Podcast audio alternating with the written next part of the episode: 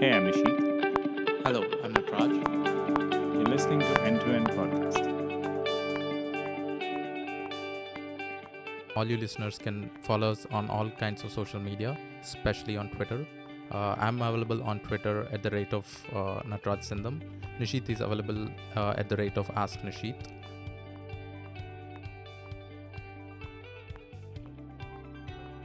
Let's now switch gears and talk about the other uh, big streaming player, which is HBO, with 30 million subscribers in the US. But before we dive in, let's start with a little bit about the ownership structure because I think it changed in the recent past. Yeah, uh, HBO now is currently owned by uh, uh, AT&T, uh, which also owns Warner, uh, AT&T slash Warner Media, which also owns Warner Brothers Studios, uh, and other assets like um, Turner Studios, which includes CNN and TNT and TBS, and uh, it also now owns Otter Media, and they also own DirecTV. So it's kind of in the mixture of um, how about how Comcast and Universal uh, owns both telecommunications and as well as media assets.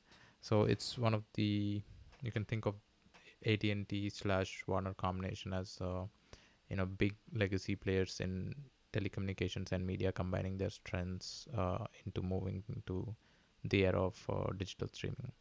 In terms of strengths uh, for HBO, I think one of their uh, important strengths is uh, uh, their brand and they kind of stand for this high quality path breaking content providing service and they've defined it over you know last couple of decades and an interesting way to think about hbo is uh, they're actually the original netflix of the tv uh, era. So they're the ones who pioneered uh, watching an entire movie with no ads. And they've always slightly segregated themselves from the pack of uh, you know content making channels uh, by not only elevating their price as well as uh, but creating content that's slightly more edgy and more path breaking uh, and over time they've created some great content um, and that actually has a huge asset in terms of having a dedicated audience that is always watching hbo and also about uh, and also in terms of uh, acquiring new customers because of this uh, incredible brand of creating very quality high quality content. Um, I I think like if you look at that can also how that can be a uh, draw to getting people onto the platform. But if you think about it, like is it is there a way in which that can also act as potentially like if I watched a show like Game of Thrones, since it's no longer airing, what if people like me drop out? uh, there's always a segment of uh, you know audience whenever there's a hit show there's always a segment of audience which will just tune in to watch that particular uh, hit show but then there will be a segment of audience which is consistently watching uh, hbo as their primary streaming services or their primary channel. And you see that happening with all the streaming services whether it be it netflix or uh, even for disney plus you, you will see this. And whenever there's a hit show people tend to take a trial version or like just watch or you know uh, continuously stream the whole thing in a couple of days and just cancel the subscription. But when you have this uh, uh, sort of uh, strong uh, content quality content built over time as well as uh, another important ability that hbo has is timing their new releases in the way that it actually engages their uh, quality audience or the audience that is repeatedly watching hbo to stay at hbo what do i mean by that is for example Netflix is sorry, HBO is one of the few streaming services which is using uh, still the concept of prime time because Game of Thrones, if you remember, was airing on you know Sundays, uh, even Sunday evenings. Uh, similarly, uh, now Succession airs uh, Sunday evening, Silicon Valley airs Sunday evening. So they have kind of the scheduled programming even today, which is also kind of has its negatives and positives. But the positive side of it is they're releasing good content spread out across the year making sure that the user comes back in again and again and that has been i think uh, one of its strengths according to my observation It's also one of the differentiators when we think about or compare it with Netflix, where the entire season comes in one go. yeah so i think uh, we have to see how uh, the whole streaming services will take up on this strategy but i think there is a reason why hbo is still going on that uh, way and i personally see that uh, there, there there is an effect uh, which engages the user again and again if you have that kind of scheduling and which i don't see in netflix. I mean so netflix for example to engage its audience has to continuously release new content in bulk while hbo has to release like next season or per se next episode. Because if you're watching silicon valley's last season it is scheduled for seven episodes. That means you are almost extending it over two to three months.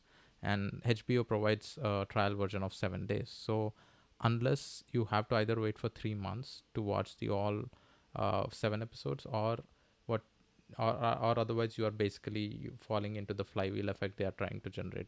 By the end of seventh episode or by the end of the seventh episode of the last season you might get interested in some other tv show that hbo is currently starting or has started and then you're hooked.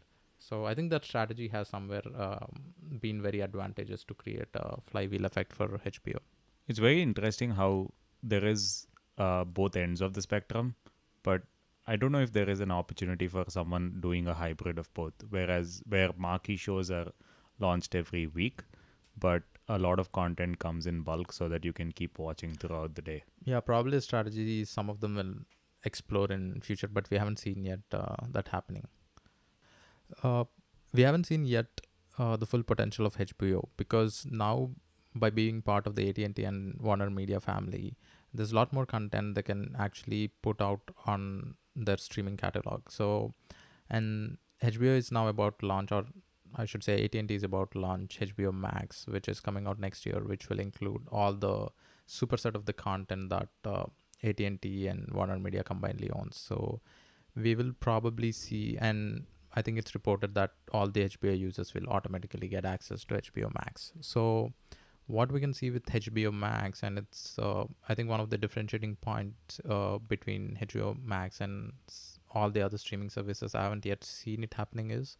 Uh, there is no specific day-to-day news content that is being delivered through any streaming services and HBO has been doing it using Vice News, and HBO Max might do it as a combination of uh, having CNN in its portfolio now. So they could kind of come up with uh, a structure where uh, you know everyday news content is delivered through HBO Max. So if I am a HBO Max subscriber, I don't have to actually have uh, a different news source to consume. So that kind of synergy will probably help them, and uh, obviously with Warner Media and their own catalog, um, it could be a much um, more thriving streaming service than HBO currently is.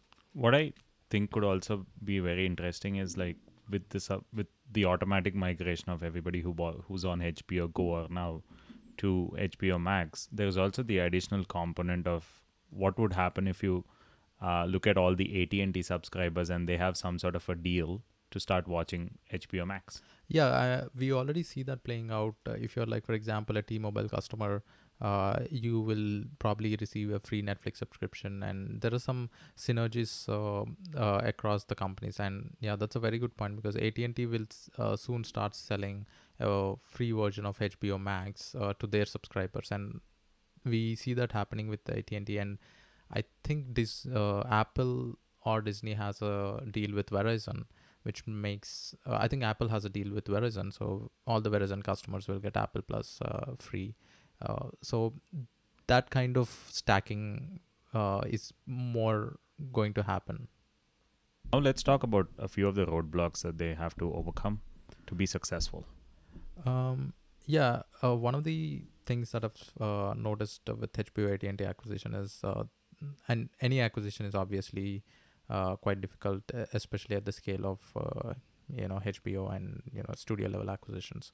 And I think recently H- the head of uh, HBO is probably let go or they did some change in strategy, and that kind of uh, worries me because what they will do with HBO because um, HBO has been really good at creating high valued content uh, with lot less investment than other companies try to create. So in terms of that, uh, there's a quality creative filter that I mean that DNA is part of the HBO, and whenever such acquisitions happen, you wonder if that DNA kind of erodes uh, when this mothership comes into place and occupies the company. So that's one challenge that they have to overcome, and it's a challenge pretty much you face with any acquisition.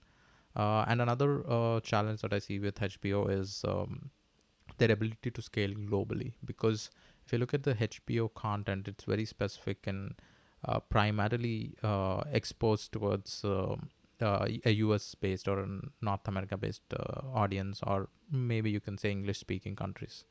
Um, so we haven't seen their experimentation as much in terms of like exploiting with you know uh, playing around with different languages or they do not have local assets for example like disney which has hotstar uh, and their presence globally is basically through licensing their existing content through different distribution channels so it would be interesting to see how they would uh, scale not just as a technique you know technology based streaming product but in in terms of what kind of content they will uh, you know create i mean obviously warner brothers uh, Warner Studios has much more diverse content, but we have to see how HBO Max will start to spend on creating new content uh, purely in terms of uh, you know their creative decisions. I'm excited to see how it's going to play out, and also for like success successions next season. Yeah, sure. Let's talk about Amazon now. Yeah, before talking about Amazon Prime Video, I think we need to talk about Amazon itself. Uh, I think probably history will judge Jeff Bezos as the best capital allocator we have ever seen. I mean, more than probably Warren Buffett. And it is because this company has plowed through pretty much every problem they faced by creating a product for it.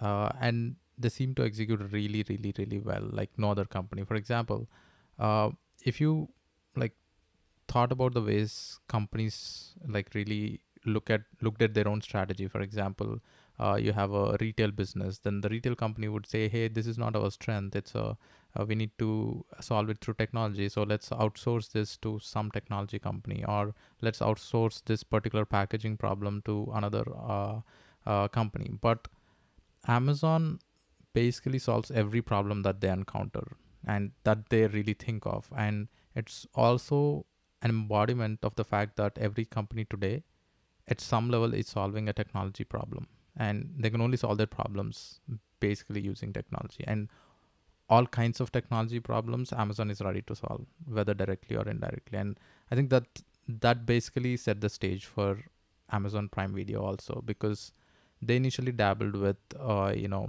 uh, amazon prime video way before uh, anyone anyone else was thinking of dominating you know television. Um, and they've created these different touch points now with alexa and alexa enabled products there are like multiple touch points where they're interacting with customer and that basically created huge leverage for them and that also very well transitioned into the kind of strategy they're following. For example amazon video is slightly different when you compare it with say a hbo or a netflix. That is amazon is not only just making their own content but they're also acting as a distribution channel for other subscription services like hbo or a showtime. And i think Amazon is very well positioned to be that distribution channel for, for other smaller streaming services. And they will be sort of monetizing very well uh, over time because they're uniquely positioned in doing that. Like Disney is not positioned to do that, or even Netflix per se can't really exactly do that. But uh, probably Roku is kind of doing that by becoming a distribution channel uh, for all the streaming services. But uh, Prime Video and Amazon is especially uh, positioned itself not only just across television but across all kinds of devices as a biggest distribution channel. And that is one of their biggest strengths when you compare it with uh, and differentiation when you compare it with uh, other media services. And the fact that like it plays nicely into the fact that they just have a huge customer base which uses other products that they could just like transition and add it as a value added service while also having the option to subscribe just for Amazon Prime Video. Yeah, it it also very well fits in their big tech ecosystem. Another interesting thing that is kind of specific to Amazon uh, in terms of how it is playing the whole media game is uh, how they're treating the whole global content uh, uh spending. Like they're, I think they've done a better job in terms of um, acquiring and producing global content, especially in countries like India. And they understand, I think, by being a global company for a while and uh, by executing very well on multiple products as a global company. I think they've figured out how they should uh, leverage this structure of being a global company, and it's quite visible when you see how they're executing in India by you know acquiring and uh, creating new shows for Indian consumers as well as Indians living across the globe. And I think that is one specific niche that they've hit, which we're not seeing in other particular uh, streaming services. And uh, it's a potentially very big market. So I think Amazon is doing pretty well in that space. In in keeping with their like DNA of experimentation, Amazon's also started adding uh, live sport events with I think Thursday night football that's available on Amazon Prime Video. Yeah, I mean, uh, they've been in this game, and we have not realized how long they've been, but uh, they've been in this game for a while now, and they're experimenting with different strategies and uh, s- basically seeing what will work and what will not, and and that brings us to another big, big important point, uh, and a big strength of Amazon is they've gotten a really long runway to be in this business, and they're they have they'll go all the way because they have one big important strength that no other company has that is cheap capital. It doesn't matter if amazon is profitable or not. And they this huge leverage that comes from the fact that they don't have to be profitable and they have cheap capital from public and private markets is a huge it, it gives the company huge huge runway and they they are here for the long term I think this is unique only to Amazon and probably Netflix. This is where Disney might uh, still have to be like, I have to protect my legacy business and keep growing it while focusing on this new distribution channel. yeah if you if you want to bring out a similar parallel uh, this is the same uh, deal we are seeing with uh, walmart walmart has to ha- had the challenge of moving and growing its online business while keeping its offline profitable. So that kind of brings in a unique challenge uh, challenge for these incumbent companies which are huge already but they have to protect their existing business and grow in a new business at the same time keeping the stakeholders and all the shareholders happy. And that's the challenge uh, disney also has to face. They have to keep their shareholders uh, happy with the existing growing profits and existing growing franchises like marvel but at the same time like makes uh, cap make uh, you know strategic capital allocation for disney plus and show that they could be profitable so that's a negative for both walmart and disney I'm actually super bullish on Amazon Prime Video. They have a lot of like positives going for them. But if you have to talk about like a couple of challenges or roadblocks that they might face, what do you think they would be? Uh, one of the things could be, and this is for pretty much any big company executing on a lot of levers, and Amazon is executing on a multiple angles. They have AWS, they have retail, they have uh, uh, productivity software, or they have uh, logistics business. So they're executing on multiple angles. So what that means is sometimes, uh, and it happens in large organizations pretty often, is that you kind of lose your uh, strategy on wha- where you're heading and what you're doing. It can all just be that uh, you've tried and spent ten billion dollars, and after five years you have ended up nowhere. Uh, but at this point, I'm not uh, so negative on Amazon Prime as you said. Uh, I'm also pretty bullish on what their execution strategy has been. I think they've been slow and steady and consistent, and they have a clear idea of where it is going. And uh, I think they're in the long haul. So. Uh, in this particular sense, that could be a minor negative, but uh, overall, I'm pretty positive on it. What do you think about the fact that they don't have a lot of legacy in producing content and building like a big uh, powerhouse of media which can poten- build content basically which can be leveraged again and again, which Disney is really good at? Do you think that's going to be a huge challenge? Uh, it, I mean, it's a challenge for any uh, new entrant in the streaming business, but I think that's where uh, a strategy similar to Netflix are playing out. That's why they're spending, uh, you know, equivalence to how much Netflix is spending. I think they're spending around six billion this year alone. Uh, so I think they will bridge that gap with acquiring new content. But I think Amazon is slightly being uh, choosy about, or slightly more has more creative filter than per se Netflix has. If I have to, you know, differentiate between how they are spending and they're not spending as much as netflix but i think they'll cover that gap by spending a lot of amount in acquiring content but in amazon dna itself there is a level of frugality that they follow so uh, we have i'm pretty bullish on the way they'll use their capital uh, if you compare it with uh, netflix About the four major streaming players, I think it'll be remiss if we don't mention Hulu because they've a completely different business model of using ads as a way to support the platform. So let's talk a little bit more about them. Yeah, Hulu is uh, originally start. I think Hulu is a combination of all the models that are out there.